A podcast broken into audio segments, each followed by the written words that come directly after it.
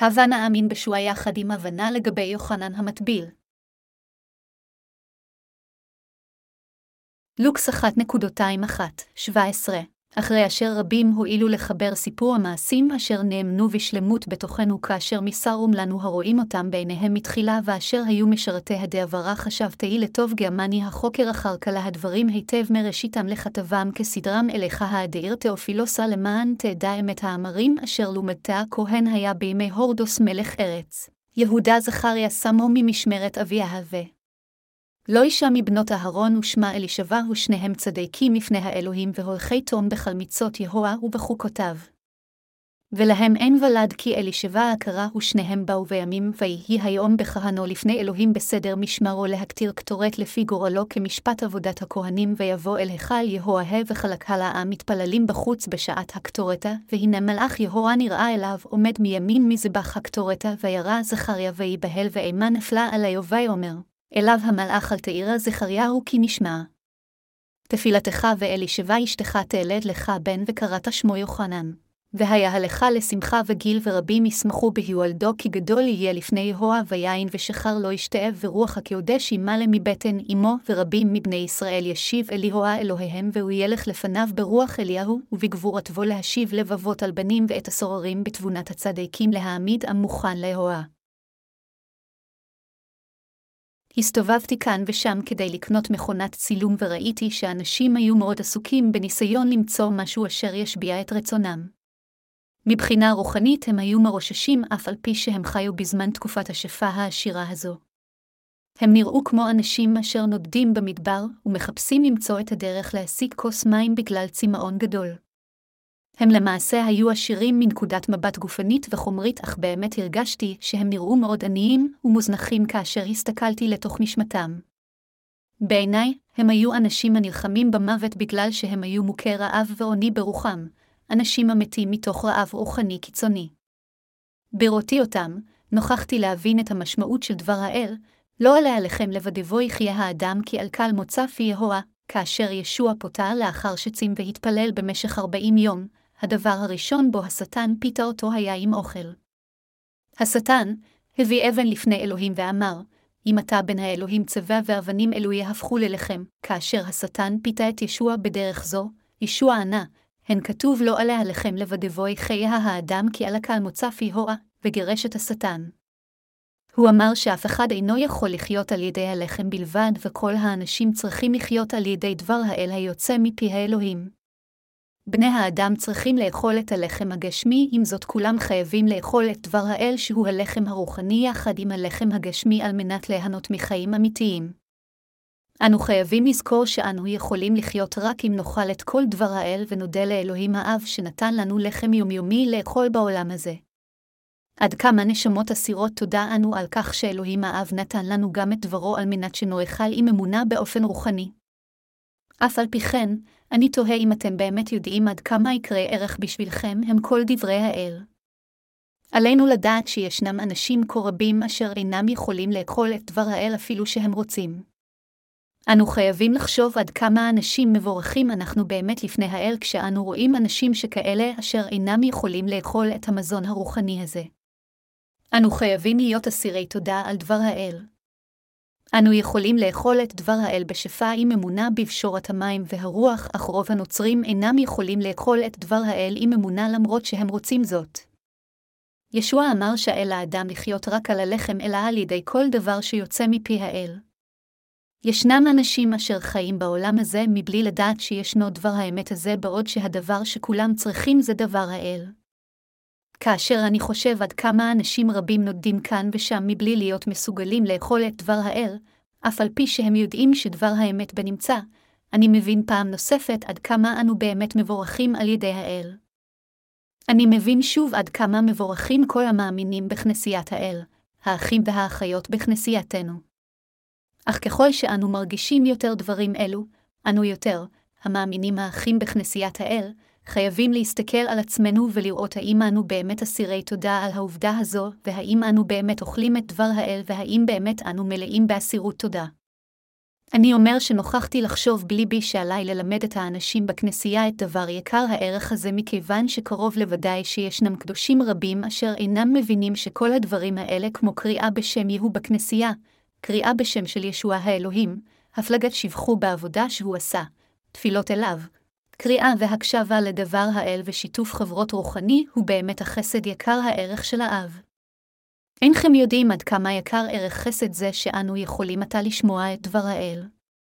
אני מבין עד כמה יקר ערך זה שאני יכול להסתכל בדבר האל ולדרוש לכם אותו כך ולשמוע אותו מכם וגם לחלוק בשותפות יחד עם הקדושים של אלוהינו. לא על הלחם לבדו יחיה האדם כי על כל מוצא פי האל. אם כן, האם אתם באמת מרגישים אסירי תודה וחושבים שזה יקר ערך שאנו חיים על ידי אכילת דבר האל בדרך זו? דבר האל הוא באמת יקר ערך. דבר האל הוא ברמה אחרת לגמרי לדברים שאנו הברואים מדברים. כתבי הקודש כותבים את כל הדברים אשר יוצאים מפי האל ולכם אנו חיים באמונה על ידי דבר האל. אלה מאיתנו המאמינים בבשורת המים, והרוח חייבים כמובן לאכול את הדברים הגשמיים כיוון שאנו עשויים מבשר. אך, באותו זמן, אנו חייבים גם לאכול את דבר האל בעוד אנשים רגילים אוכלים רק דברים גשמיים בלבד. אנו חייבים לאכול גם את דברי השמיים כיוון שגם לנו יש נשמה. אני מודה לאל על שנתן לנו ברכות שכאלו לכולנו המאמינים בבשורת המים והרוח. חשבתי לטוב גם אני החוקר אחר כל הדברים היטב מראשיתם. לוקס הוא המחבר של הבשורה על פי לוקס והוא היה גם רופא. אדם זה, לוקס, כתב את הבשורה על פי לוקס ואת מעשה השליחים תוך כדי הטפת בשורת האל יחד עם פאולוס השליח. הבשורה על פי לוקס ומעשה השליחים במקור היו מורכבים מספר אחד. היה אדם בשם תאופילוס, ונכון לעכשיו איננו יודעים מי היה תאופילוס זה. אם נסתכל על מעשה השליחים פרק אחת פסוק אחת הוא מתחיל, במאמר הראשון כתבתי תאופילוס על כל אשר החל ישוע לעשות וללמד והוא ממשיך. אחרי אשר רבים הואילו לחבר סיפור המעשים אשר נאמנו בשלמות בתוכנו כאשר מסרום לנו הרואים אותם בעיניהם מתחילה ואשר היו משרתי הדעברה חשבתי לטוב גרמני החוקר אחר כלה הדברים היטב מראשיתם לכתבם כסדרם אליך האדיר תאופי. ילוסה למען תדע את האמרים אשר לומדתיה. לפיכך, אנו יכולים לראות באמצעות קטע זה שמעשה השליחים זו האיגרת שלוקס כתב עבור אדם בשם תאופילוס. תאופילוס בטח היה אדם בעמדה בכירה כיוון שהוא נקרא האדיר תאופילוס, ונראה שהוא גם האמין בשוע כמושיע. כאשר אנו ממשיכים הלאה נאמר, אחרי אשר רבים הואילו לחבר סיפור המעשים אשר נאמנו בשלמות בתוכנו כאשר מסרום לנו הרואים אותם בעיניהם מתחילה ואשר היו משרתי הדעבר, לוקס 1.21-2. לישוע היו שנים עשרה שליחים והם היו אנשים אשר חוו, שמעו וראו למעשה את ישוע המשיח גם בעיניים גשמיות וגם בעיניים רוחניות. הם חלקו עם אנשים אחרים את דבר האל אשר הם שמעו. הם חלקו אותו בהתאם למה שהם ראו והיו משרתים רבים אשר לקחו את העת כדי לכתוב את כל האירועים בהתאם לעובדות. שליח זה של ישוע שנקרא לוקס חשב גם שזה יהיה טוב לכתוב לתאופילוס האדיר על ישוע באופן כרונולוגי ממש מההתחלה, ואמר שגם הוא ראה את כל הדברים האלה מההתחלה. לוקס אמר שהוא עשה זאת כדי לגרום להודרוממותו תאופילוס לדעת באופן מובהק מה הוא למד. לוקס, אחד מתלמידי של ישוע המשיח, גם התחיל לכתוב על ישוע המשיח. בזמן ההוא, היו אנשים אשר הפיצו שמועה שהאנשים אשר מאמינים בישוע המשיח הם מוצצי דם. הם אמרו שאנשים אשר האמינו בישוע המשיח הם מוצצי דם כיוון שהם אמרו חיים על ידי שתיית הדם.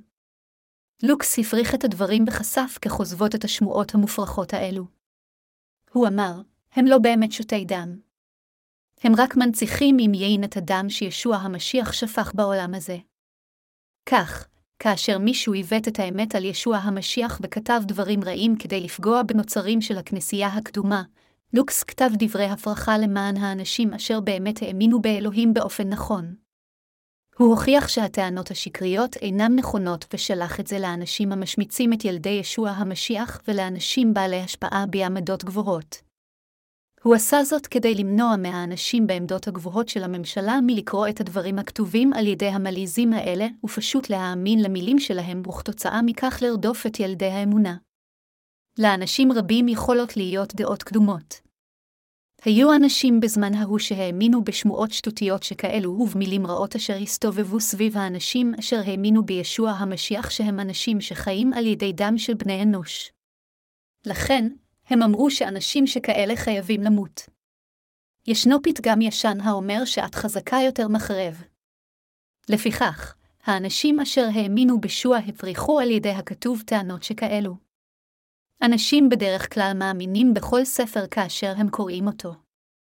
זוהי הסיבה מדוע לוקס כתב את הספר הזה לפקיד בכיר בשם תאופילוס. כפי שציינתי לפני כן, האדם שנקרא כאן, תאופילוס האדיר, נראה כאחד אשר האמין בישוע המשיח. זוהי הסיבה מדוע לוקס, התלמיד של ישוע המשיח אמר שהוא חושב שזה יהיה טוב לכתוב מכתב המפרט על ישוע המשיח מההתחלה ומהדברים הבסיסים ביותר עד כמה שהוא ידע. זה היה כדי לוודא מה הוד רוממותו תאופילוס למד. הוד רוממותו תאופילוס למד את האמת והאמין בה. אז לוקס כתב את האיגרת הזו אליו על ישבעה המשיח יותר בפירוט. זאתי מה אם לא הבשורה על פי לוקס. יוחנן המטביל אשר נולד ממשפחת אהרון. הם בדרך כלל קראו ליוחנן הזה אשר הטביל את ישוע יוחנן המטביל כדי להבדילו מיוחנן תלמידו של ישבעה. הבא נקרא את דבר האל מהבשורה על פי לוקס פרק 1 פסוקים 5-7. נאמר, כהן היה בימי הורדוס מלך ארץ יהודה זכריה שמו ממשמרת אביה, ולא אישה מבנות אהרון ושמה אלישבע, ושניהם צדיקים לפני האלוהים והולכי תום בחלמיצות יהוה ובחוקותיו, ולהם אין ולד כי אלישבע הכרה, ושניהם באו בימים. לוקס 1.25-7 זה סיפור מהתקופה של מלך ישראל הורדוס. לוקס כתב את הרקע של לידתו של יוחנן המטביל בפרוט לפני זמן רב, היה כהן ממשמרת אביה, ושמו היה זכריה, ואשתו אלישבע. נאמר, ושניהם צדיקים לפני האלוהים והולכי תום בחלמיצות יהוה ובחוקותיו, משמרת אביה אלו הצאצאים של אהרון הכהן הגדול. הבה נסתכל על הגנלוגיה של יוחנן המטביל. המשמרות של הכהנים צאצאי אהרון כתובים בראשונה אל הקורא נתיים, פרק 24. הבה נסתכל יחדיו על זה כפי שהוא. נאמר, לבני אהרון מחלקותם, בני אהרון, נדב ואביהו, אלעזר ואיתמר וימת נדב ואביהו לפני אביהם, ובנים לא היו להם, ויכהנו, אלעזר ואיתמר, דברי הימים 24.21-2. כתוב שלאהרן היו ארבעה בנים. אך נאמר שנדב הבן הבכור של אהרון ואביהו מתו כאשר הקריבו אש זרה בזמן הקרבת הקורבנות, ושאלעזר ואיתמר היו הבנים הנותרים. הם לקחו את הכהונה ועשו את עבודת הקרבת הקרבנות לאלוהים. הם עשו את העבודה הזו, ואז באים שתיים השמות של נכדי אהרון מפסוק שש, ויכתבם שמעיה וננתנאל הסופר מן הלוי, לפני המלך והשרים וצדוק הכהן, ואחימלך בן אביתר, וראשי האבות, לכהנים וללוויים. בית האב אחד, אחוז לאלעזר, ואחוז אחוז לאיתמר ויצא הגיבורל הראשון ליהויריב, לידה היה השני לחרים השלישי, לשעורים הרביעי למלכיה החמישי, למימין השישי לעקבוץ השביעי, לאביה השמיני לישוע התשיעי, לשכניהו העשירי לאל ישיב עשתי עשר, ליקים שנים עשרה לחופה שלושה עשר, לישבעב ארבעה עשרה לבלגיה חמישה עשר, להימר שישה עשרה לחה. זיר שבעה עשר, להפיצץ שמונה עשרה לפתחיה התשעה עשר, לחזקאל העשרים ליכין אחד ועשרים, לגמול שניים ועשרים לדליהו שלושה ועשרים, למעזיהו ארבעה ועשרים אלה פקודתם לעבודתם, לבוא לביתי הבה כמשפטם, ביד אהרון אביהם, כאשר ציווהו, יהבה אלוהי ישראל, דברי הימים 24.26-19. המלך דוד ארגן את כהונת בני לוי כיוון שצאצאי אהרון התרבו מאוד. הם אורגנו ל-24 מחלקות בהתאם ל-24 משפחות של נכדי אהרון. אחד מהכהנים ממחלקת אביה בתקופת מלך ישראל הורדוס בזמן הברית החדשה היה זכריה אשר היה צאצא אהרון הכהן הגדול. המלך דוד גרם לכך שכל מחלקה תשרת בתפקידי המשכן במשך 15 יום, והמחלקה של אביה מופיעה כאן, השמינית בסדר. יוחנן המטביל מופיע בבשורה על פי לוקס וקטע כתב הקודש של היום מספר לנו מההתחלה על הגנלוגיה של יוחנן המטביל. ציינתי מקודם שלוקס חשב שיהיה טוב יותר לשלוח איגרת על טאופוליס שתוכל להסביר את המקור של הבשורה.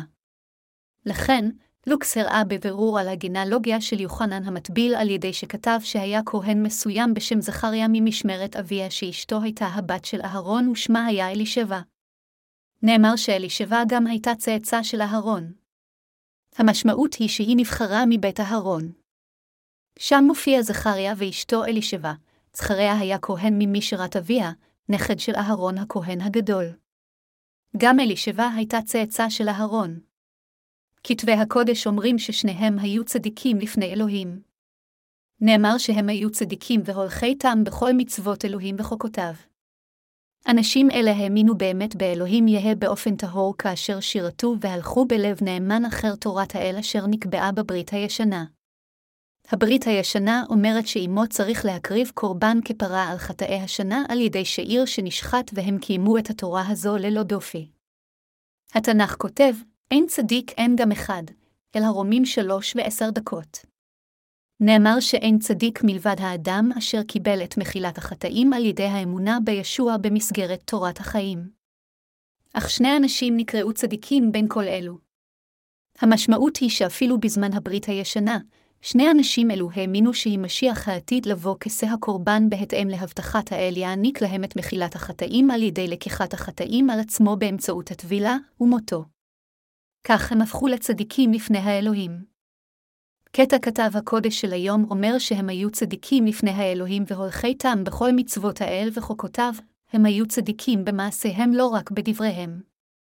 וכתב הקודש אומר, ולהם אין ולד כי אלישבע הכרה ושניהם באו בימים ויהי היום בכהנו לפני אלוהים בסדר משמרו להקטיר קטורת לפי גורלו כמשפט עבודת הכהנים ויבוא אל היכל יהואה וחלקה לעם מתפללים בחוץ בשעת הקטורתה, והנה מלאך יהורה נראה אליו עומד מימין מזבח הקטורתה וירא זכריה ויבהל ואימה נפלה עליו ויאמר, אליו המלאך אל תאירה זכריה, הוא כי נשמעה תפילתך ואלישבע אשתך תלד לך בן וקראת שמו יוחנן, והיה לך לשמחה וגיל ורבים ישמחו בהיוולדו, לוקס 1.27-14.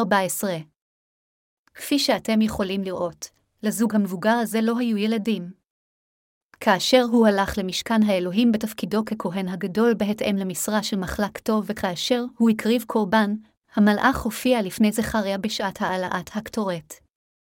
כשהתפלל לפני האל, זכריה קרוב לוודאי התפלל לאל על בעייתו שלו כאשר הוא, כמובן, מתפלל למען האנשים. האם אתם ואני לא מתפללים כמוהו?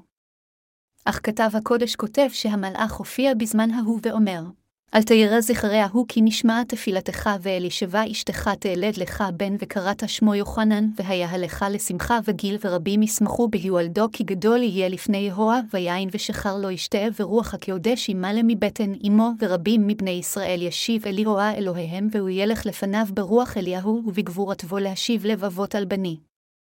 ים ואת הסוררים בתבונת הצדיקים להעמיד המוכן ליהוה. לוקס 1.213 17. המלאך אמר לזכריה שאלוהים ייתן ילד לאלישבע, אך זכריה לא האמין בכך. אלוהים הפך את זכריה לאילם כדי להוכיח זאת, וזה כיוון שהוא רק חשב בהיגיון אנושי, ולא יכול היה להאמין בדבר האל. לכן, זכריה הפך לאילם עד שנולד הילד. פיו נפתח רק לאחר שיוחנן נולד. התנ"ך אמר, שאלוהים יעניק לזכריה ולאלישבע בן ששמו יהיה יוחנן. המלאך גם אמר שזכריה ישמח ויעלוז, ואנשים רבים גם ישמחו בלידתו. כתוב שיוחנן יהיה גדול לפני האל ויהיה מלא ברוח הקודש מהרחם, ויחזיר את צאצאי ישראל אל האל. נאמר גם שהוא ילך לפני האל עם הרוח והכוח של אליהו, וישיב לבבות על בנים ואת הסורים בתבונת הצדיקים. נאמר שאלוהים ייתן לו את הרוח והכוח של הנביא אליהו. נאמר שהנביא המייצג של הברית הישנה הוא אליהו הנביא והברית החדשה אומרת שיוחנן המטביל הוא כמו אליהו. כאשר הסופרים אמרו שאליהו יבוא וישיב את הכל לפני שהמשיח יבוא, ישוע אמר, אליהו כבר בא ולא הכירוהו ויעשו בו כרצונם. מתי 17 ו-12 דקות כאשר ישוע אמר שאליהו כבר בא, הוא התכוון שיוחנן המטביל נולד בעולם הזה עם הרוח של אליהו. אך מה הכוונה לרוח של אליהו? אם נבין מהי הרוח של אליהו, נוכל לראות מדוע יוחנן המטביל היה הנציג של כל האנושות אשר הכין את הדרך לישוע. בברית הישנה משה הוא נציג התורה, והנציג של כל הנביאים הוא אליהו. אך הנציג של קהל האנושות הוא יוחנן המטביל אשר הייתה לו הרוח של אליהו. כאשר אנו לומדים על אליהו הנביא בתקופת הברית הישנה, אנו יכולים לראות מדוע כתבי הקודש אומרים שיוחנן המטביל בא ברוח של אליהו. אליהו היה משרת האלוהים ונביא מהגלעד בממלכה הצפונית של ישראל. בזמן ההוא, ישראל הייתה מחולקת לממלכה הצפונית ולממלכה הדרומית, והמלך אחאב שלט בממלכה הצפונית של ישראל. אך המלך אחאב הביא כאשתו אישה גויה אף על פי שהוא היה מבני ישראל, והיה עליו להעריץ ולעבוד את האל. כאשר נכנסה לביתו של אחאב אשתו איזבל הביאה את אלילי הבעל לתוך הארמון על מנת שיעבדו אותם כאלוהים, ובני ישראל החלו לקבל ולעבוד את הבעל הזה אשר מלכתם איזבל עבדה. המשמעות של בעל זה אדון ותרגום נוסף יכול להיות בעלים. בזמן ההוא את האליל הזכר הזה עבדו בדרך כלל בארץ כנען. הם האמינו שהבעל היה אל אשר גורם לקרקע להיות פורה ופוריה, וגורם לצאן ובקר לשגשג בשפע. בכל אופן, הוא נחשב לסוג של אלוהי השגשוג. גם לנו במדינתנו יש אלים דמויי בעל.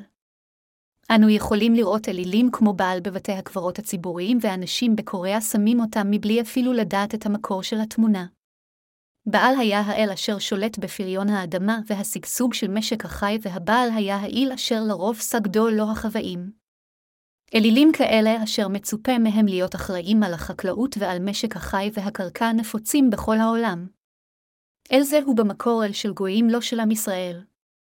הם הביאו את אליל הבעל ויצרו לו סוג של תמונה, עבדו אותו והתפללו אליו למען הברכה והשלום של כולם. הם התפללו, בבקשה הבא לי ילדים. אנא עשה את הקציר שיהיה שופע. בכל מקרה, איזבל, מלכתו של המלך אחאב הביאה אליל כזה לתוך ישראל. בתחילה איזבל עבדה את הדבר הזה עם שפחותיה, אך זה התפשט ובסופו של דבר אנשים רבים עבדו את הבעל. הכוח של מלכה הוא גדול יותר ממה שאתם חושבים. ישנו פתגם האומר, זהו האיש אשר מזיז את העולם, אך ישנה אישה המזיזה את האיש הזה, אם האיש הוא הראש, אז האישה היא הצוואר. הראש זז לצד הזה ולצד האחר כאשר הצוואר זז לצד הזה ולצד האחר. אם הצוואר אינו רוצה לזוז, אז הראש אינו יכול לעשות דבר אלא רק להישאר במקומו אפילו אם הוא ירצה לזוז. בדיוק אותו דבר, האיש יזוז וילך כאשר האישה תזוז. בדיוק באותו אופן, המלכה איזבל שלטה במלך אחאב כרצונה. כתוצאה מכך מה בסופו של דבר קרה? כל ישראל הפכה למדינה אשר עובדת את הבעל. עתה ישראל הפכה למדינה אשר עובדת אל אלילי הבעל, אליל הגויים ולא מדינה אשר עובדת את יהוא האל. הנביא בזמן ההוא של המלך אחאב היה אליהו. הנביא הראשון משה קיבל את התורה אשר אלוהים נתן לו בהר סיני והציג אותה לעם ישראל.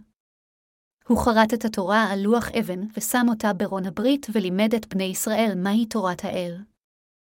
אליהו היה נביא אשר חי בתקופת המלך אחאב זמן רב לאחר הימים של משה.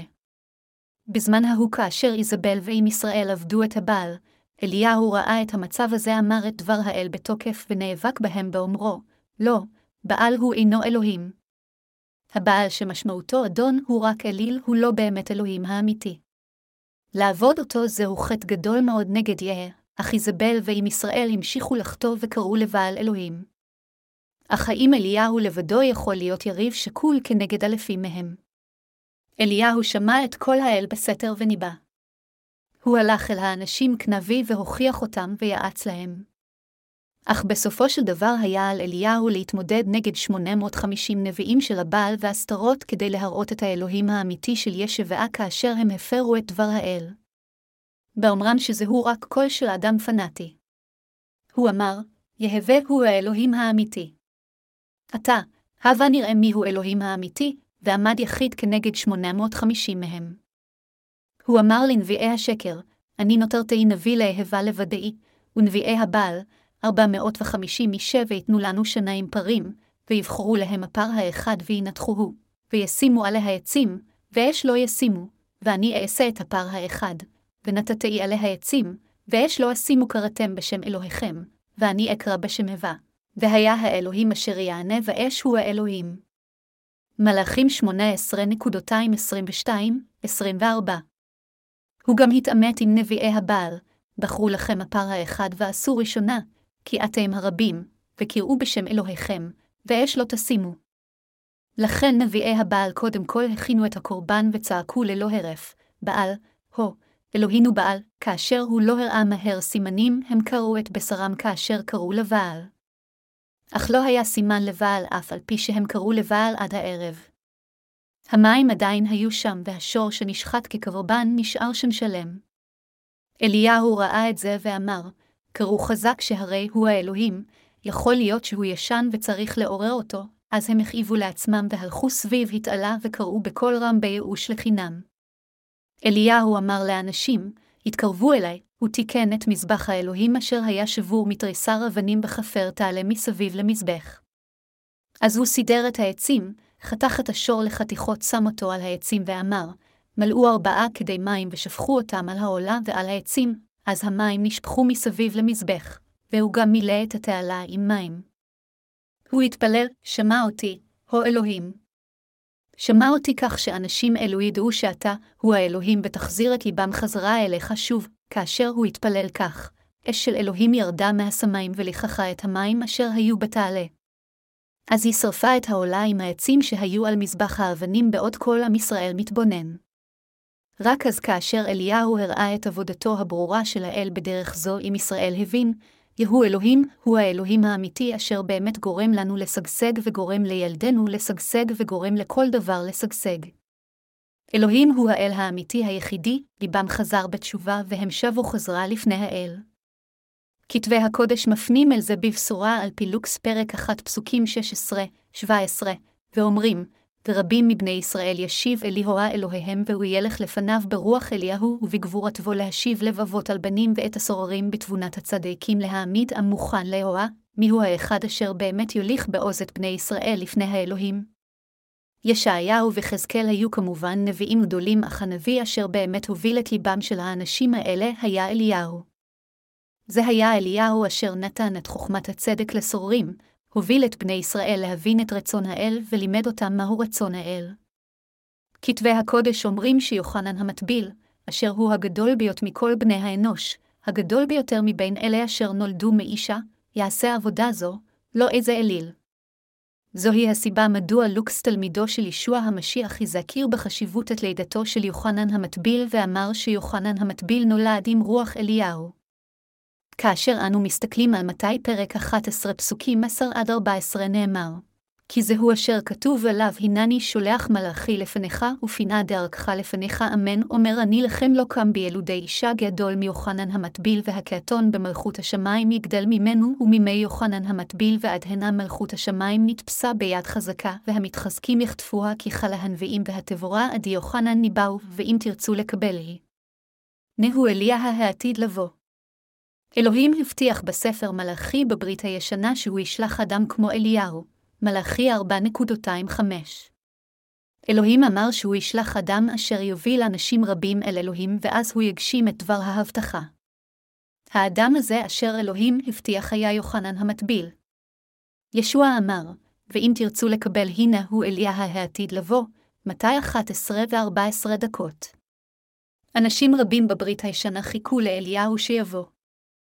כאשר הם חיכו למשיח, הם גם חיכו לאליהו שיוביל אותם למשיח. אז יוחנן המטביל נולד בתחילתה של תקופת הברית החדשה. יוחנן המטביל נולד בעולם הזה ברוח אליהו, ואלוהים הכין את יוחנן המטביל בשביל החוטאים כדי שיחזיר אנשים רבים כל כך לאלוהים, יגאל אותם מהמצב החוטא שלהם של עבודת הבעל, האל השקרי. זוהי הסיבה מדוע לוקס, תלמידו של ישבעה המשיח כתב מהמקור את הבשורה בבשורה על פילוקס. למרות שאנו יודעים היטב על עבודתו של יוחנן המטביל כיוון ששמענו והאמנו בבשורת המים והרוח, ישנם אנשים רבים אשר עדיין אינם יודעים היטב מיהו יוחנן המטביל ומה הוא עשה. אפילו נוצרים מאמינים אינם יודעים על יוחנן המטביל אשר נכתב עליו בצורה כה חשובה בכתבי הקודש. הם אינם יודעים זאת אפילו שהם קוראים את הבשורה על פי לוקס, הבשורה על פי מתי, הבשורה על פי מרקוס ואת הבשורה על פי יוחנן בעוד שבכתבי הקודש נכתב על יוחנן המטביל בחשיבות גדולה, אנשים מסתכלים עליו בהסתכלות שטחית וחושבים, יוחנן המטביל הוא פשוט אחד מהנביאים ומשרתי האל. הם רק אומרים את כל מה שעולה בראשם מבלי לנסות להבין אותו באופן נכון. אפילו מנהיגי הנוצרים היום אומרים דברים שכאלה. מי זה באמת בעל? הבעל מייצג את האל השקרי של העולם הזה. אך יהוא האלוהים הוא האחד אשר קיים בזכות עצמו. הוא אמר, יהיה אשר אהיה, שמות שלוש וארבע עשרה דקות. האלוהים הזה לא נוצר על ידי בריאה. בעל הוא פרי דמיון של דמות אשר נוצר מחשיבה אנושית. האנשים הפכו אותו כמושא לסגידה ותפילה בשביל השגשוג שלהם. הדבר אשר נוצר מהמחשבה של יצירי האל הוא בעל וזה אליל. זוהי הדת של העולם. מיהו אלוהינו? האלוהים שאנו מאמינים בו, האלוהים אשר יצר את העולם כפי שכתוב בכתבי הקודש, האלוהים השילוש הקדוש אשר קיים על פי רצונו וכוחו הוא יהוא האלוהים. במילים אחרות, ישוע המשיח הוא הבורא שלנו. אך אנשים רבים כל כך בעולם הזה מאמינים בבעל. אנשים רבים בעולם הזה, בין אם הם נוצרים או לא יוצרים בעצמם אלוהים עם מחשבתם העצמית ומאמינים בו במחשבה נכספת. אותו מצב היה גם בזמן שישוע המשיח נולד, ומה שיוחנן המטביל עשה היה לעשות את עבודת הנביא לגרום לאנשים לדעת מיהו באמת אלוהים האמיתי. יוחנן המטביל בא ברוח אליהו וגרם לאנשים להבין מיהו אלוהים האמיתי, והשיב אנשים רבים לתבונת הצדיקים. מיהו האל האמיתי, אלוהים האמיתי? האם זהו האלוהים אשר הושיע אותנו מהחטא הוא האלוהים האמיתי, או שמא האלוהים הוא האל אשר אינו יכול להושיע אפילו אדם אחד מהחטא הוא האלוהים האמיתי? האל אשר יכול להושיע את האנשים מהחטא יכול להיות אי פעם אלוהינו. אבל זו לא תהיה הגזמה אם נגיד שגם נוצרים רבים כל כך קוראים לאלוהי הבעל שלהם אף על פי שהם קוראים בשם של יהוא אלוהים עם שפתותיהם. כאשר הם יוצרים איזו דמות ועובדים אותה, יש אנשים שבהחלט מאמינים בבעל. אך למעשה בעל יכול להיות איזה סוג של דמות או פעילות. זה יכול להיות דת או אפילו זרם. המשמעות היא שגם המייסדים של זרמים חדשים בנצרות יכולים להיות הבעל מבחינת חסידיהם. יוחנן המטביל אשר הטביל את ישוע המשיח העיד בבירור על ישוע המשיח בפני אנשי העולם. יוחנן המטביל העיד בבירור שישוע המשיח הוא מושיענו. יוחנן המטביל העיד בבירור כיצד אדונינו לקח את חטאינו על עצמו למעננו. ישוע המשיח אשר אנו מאמינים בו הוא האלוהים האמיתי. האם העולם יכול לגרום לנו לשגשג? זה יכול להיראות לנו כאילו העולם יכול לגרום לנו לשגשג, אך זה לא באמת המקרה. רק אלוהים יכול לגרום לנו לשגשג. רק אלוהים יכול לגרום לנו להיות שמחים, לגרום לנו להיות מבורכים ולגרום לנו לשגשג. האחד אשר מוביל אותנו לחיים מבורכים וגורם לנו לחיות בשמחה אמיתית, הוא לא אחר מאשר יהא אלוהים, לא שום אלוהי אלילים אחרים. זהו ישוע המשיח אשר אנו מאמינים בו. הוא מושיענו. כאשר אנו מסתכלים סביב, ישנם נוצרים כה רבים בימים אלו ובתקופה זו. אך העניין שלהם הוא לא אלוהים אלא העניין שלהם הוא למעשה אדם מסוים, זרם מסוים או ארגון מסוים, אף על פי שהם אומרים שהם מאמינים בשוע המשיח, הם חושבים שהם יבורכו אם הם יסגדו כך ושהם ישגשגו כך אם הם ידבקו בזה. אם נדבר על כך מבחינה רוחנית, זה לעבוד אלילים ולעבוד רוחות רעות. ליבם הוא בעסק שלהם, בזרם המכובד שלהם וכלפי איזה בן אנוש אפילו שהם אומרים בשפתותיהם, אלוהים, אלוהים, אמרתי שהמילה בעל משמעותה אדון, הם אומרים, אדוננו, אדונינו, לבעל, ליצירה במקום לקרוא לאל כאלוהים, הם מחפשים ברכות מבריאה אשר אלוהים ברא. אך האם בעל, יצירת אדם, יכול באמת לגרום לבני ישראל להיות מבורכים? האם בעל יכול לגרום לעולם זה להיות מבורך? בעל אינו יכול לגרום לאף אחד להיות מבורך. בעל לעולם לא יכול לגרום לעולם זה להיות מבורך. בעל פשוט מעמיד פנים שהוא עוזר לאנשים ורק מנצל אותם וגורם להם ליפול לגיהינום, אך הוא לא באמת יכול לתת שמחה לאנשים אשר עובדים אותו עד לסוף. למרות שזה נראה כאילו הוא גורם להם לשגשג, הוא בסופו של דבר מוביל אותם לאש הגיהינום. מבין הנוצרים המאמינים היום, אלה אשר לא באמת קיבלו את מחילת החטאים יש להם בעל כאלוהים אפילו שהם קוראים, אלוהים, אלוהים. אמרתי שהמשמעות של בעל היא גם אלוהים, המשמעות היא שיש לב רמאי כזה בליבם של נוצרים מאמינים. אני אומר שלנוצרים יש לב המרגיש דברים, מודד ומנתח איזה דברים בעולם יכול להיעשות בשבילם, ומה הזרם יכול לעשות בשבילם, וכן הלאה במקום להיות עם אמונה אמיתית באלוהים אשר באמת יברך אותם. רק אלוהים הוא אדונינו ורק אלוהים יכול לתת לנו ברכות שמיימיות. רק אלוהים יהווה יכול לתת לנו ברכות. רק אלוהים יהא יכול לעשות זאת. האם אתם מאמינים? רק אלוהים הוא אדונינו. מה יוחנן המטביל עשה בעולם הזה? עבודתו של יוחנן המטביל העידה לכל האנשים שרק ישוע המשיח הוא מושיינו, ובמפורש גרם להם להבין כיצד ישוע מחק את חטאי העולם. הוא אמר לנו כיצד ישוע המשיח לקח את כל חטאינו, כיצד אנו חייבים להאמין בישוע המשיח כדי להפוך לילדי האלוהים וכיצד אנו חייבים להאמין כדי לקבל ברכות שמימיות. מבין אלה האומרים שהם מאמינים בישוע, ישנם אנשים רבים שלמעשה עובדים את הבעל. נוצרים אלו אשר רוח הקודש אינה בליבם הם האנשים האלה.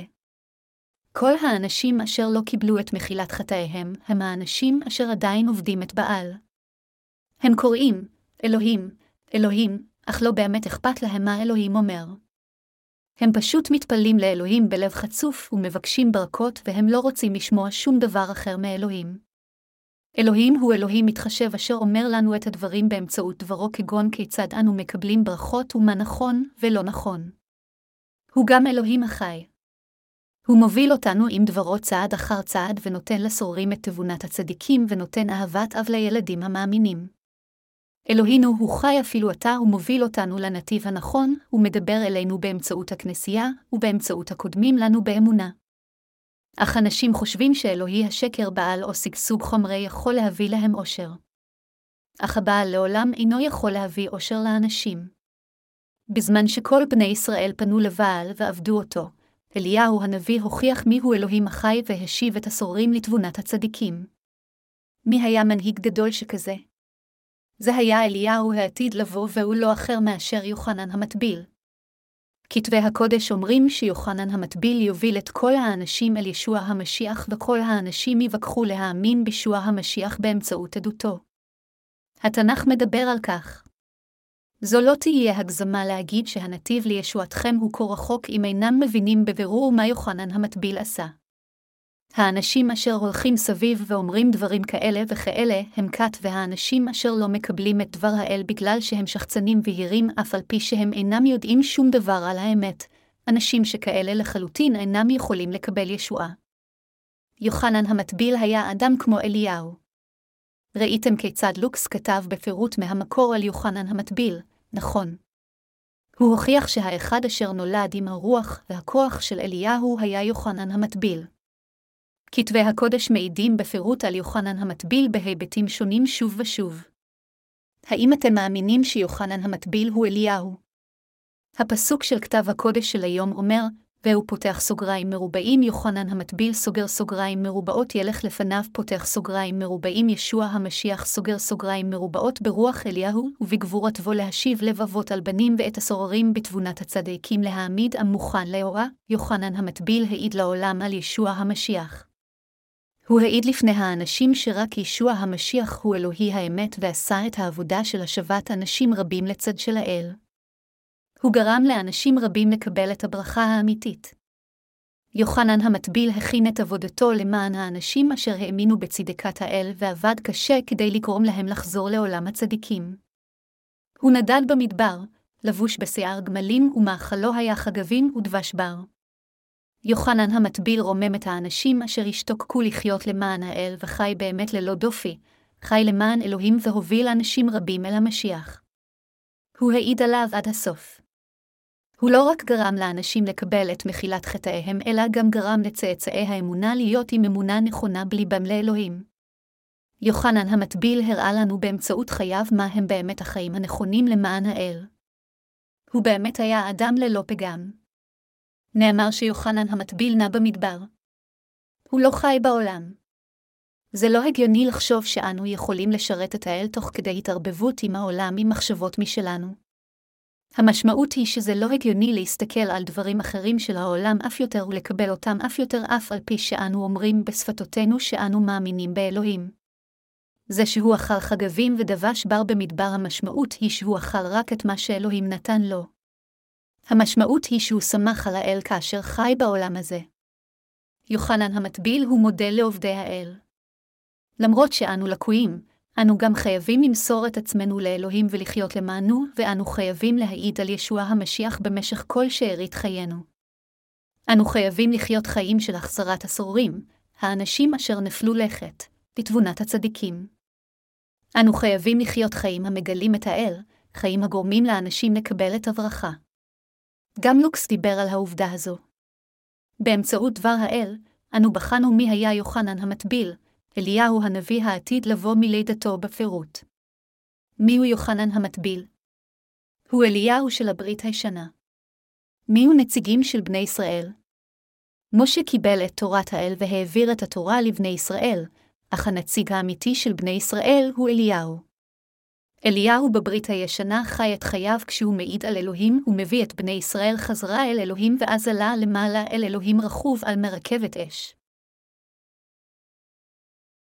יוחנן המטביל הוא אליהו העתיד לבוא ונציג קל האנושות.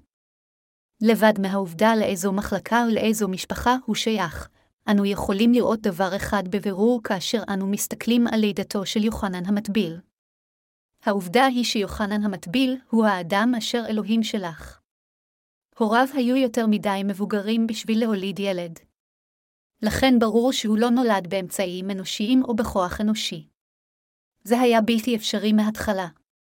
לכן התנ"ך אומר בבירור, ויהי איש שלוח מאת האלוהים ושמו יוחנן, יוחנן 1.26. יוחנן המטביל נולד באמצעות השגחתו העליונה המיוחדת של אלוהים, עבודתו, חוזקו וכוחו. כתוב שאנשים רבים ישמחו בלידתו, לא רק הוריו. לידתו של יוחנן המטביל היא ברכה ושמחה גם בשבילנו. היה קשה לנו להאמין בישוע והשטן היה מלגלג עלינו רבות אם יוחנן לא היה נולד בעולם הזה. אנו נוכחנו להכיר את ישוע המשיח.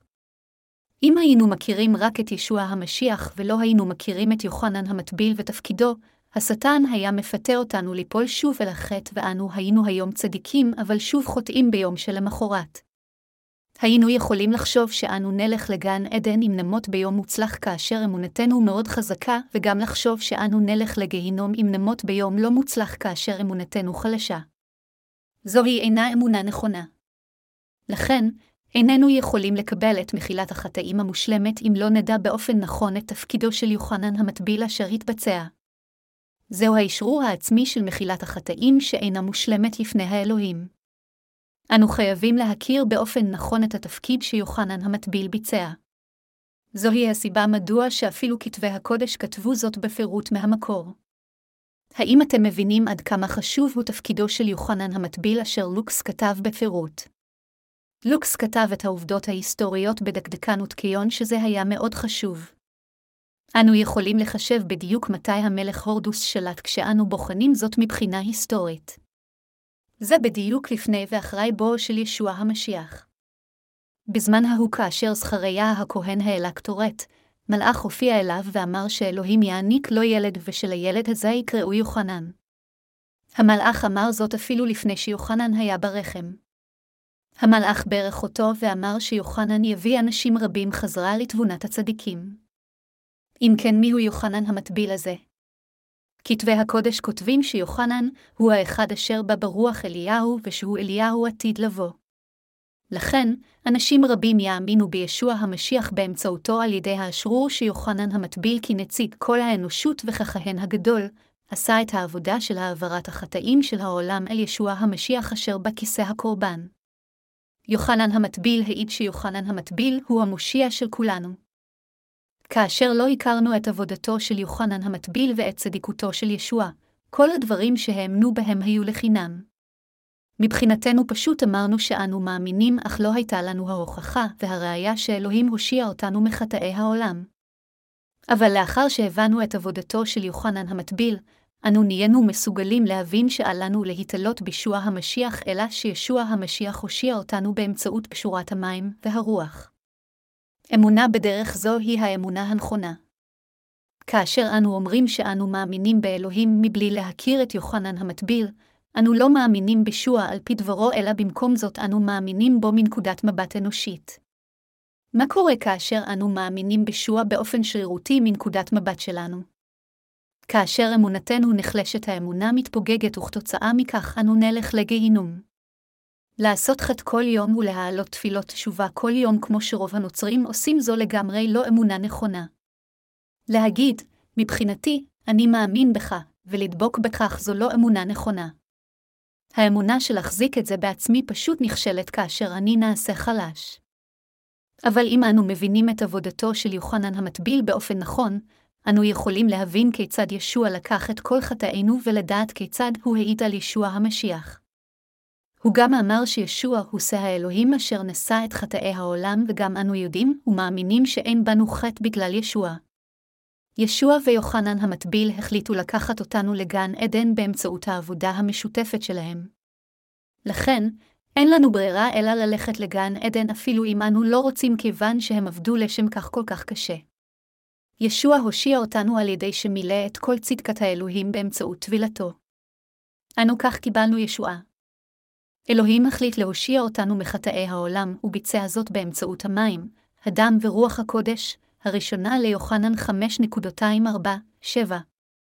ישוע העיד על כך באמצעות יוחנן המטביל. מדוע יוחנן המטביל נולד? יוחנן המטביל נולד בעולם הזה על מנת להעיד על ישוע המשיח, כדי לעשות אנשים רבים מצדיקים, כדי לאשרר את העבודה שישוע המשיח עשה, כדי לגלות שישוע הוא האל האמיתי, כדי להעיד שישוע הוא האל האמיתי אשר יצר את היקום והאלוהים אשר הושיע את כל האנושות. זהו ישוע אשר מחק את חטאי פני האנוש באופן מושלם, וזהו אותו ישוע אשר יצר אותם. יוחנן המטביל בא לעולם הזה כדי להעיד על כל העובדות האלו. אני באמת מודה לפני האל אשר בא אלינו באמצעות קשורת המים והרוח. אני חושב על מה שעלינו לעשות בעתיד כאשר אנו ממשיכים לחיות. אנו חייבים להחזיר אנשים רבים חזרה לתבונת הצדיקים, לחיות חיים המעידים על ישוע המשיח, להעיד שישוע הוא האל האמיתי והאלוהים האחד והיחידי אשר נשא את חטאי העולם. התנ"ך אומר לנו זאת. אני רוצה שכולכם תחיו חיים שכאלה של עדות כמו של יוחנן המטביל. אני באמת רוצה שתקבלו ברכה בעזרת האל ותמשיכו לחיות חיים של הטפת הבשורה במשך כל שארית חייכם.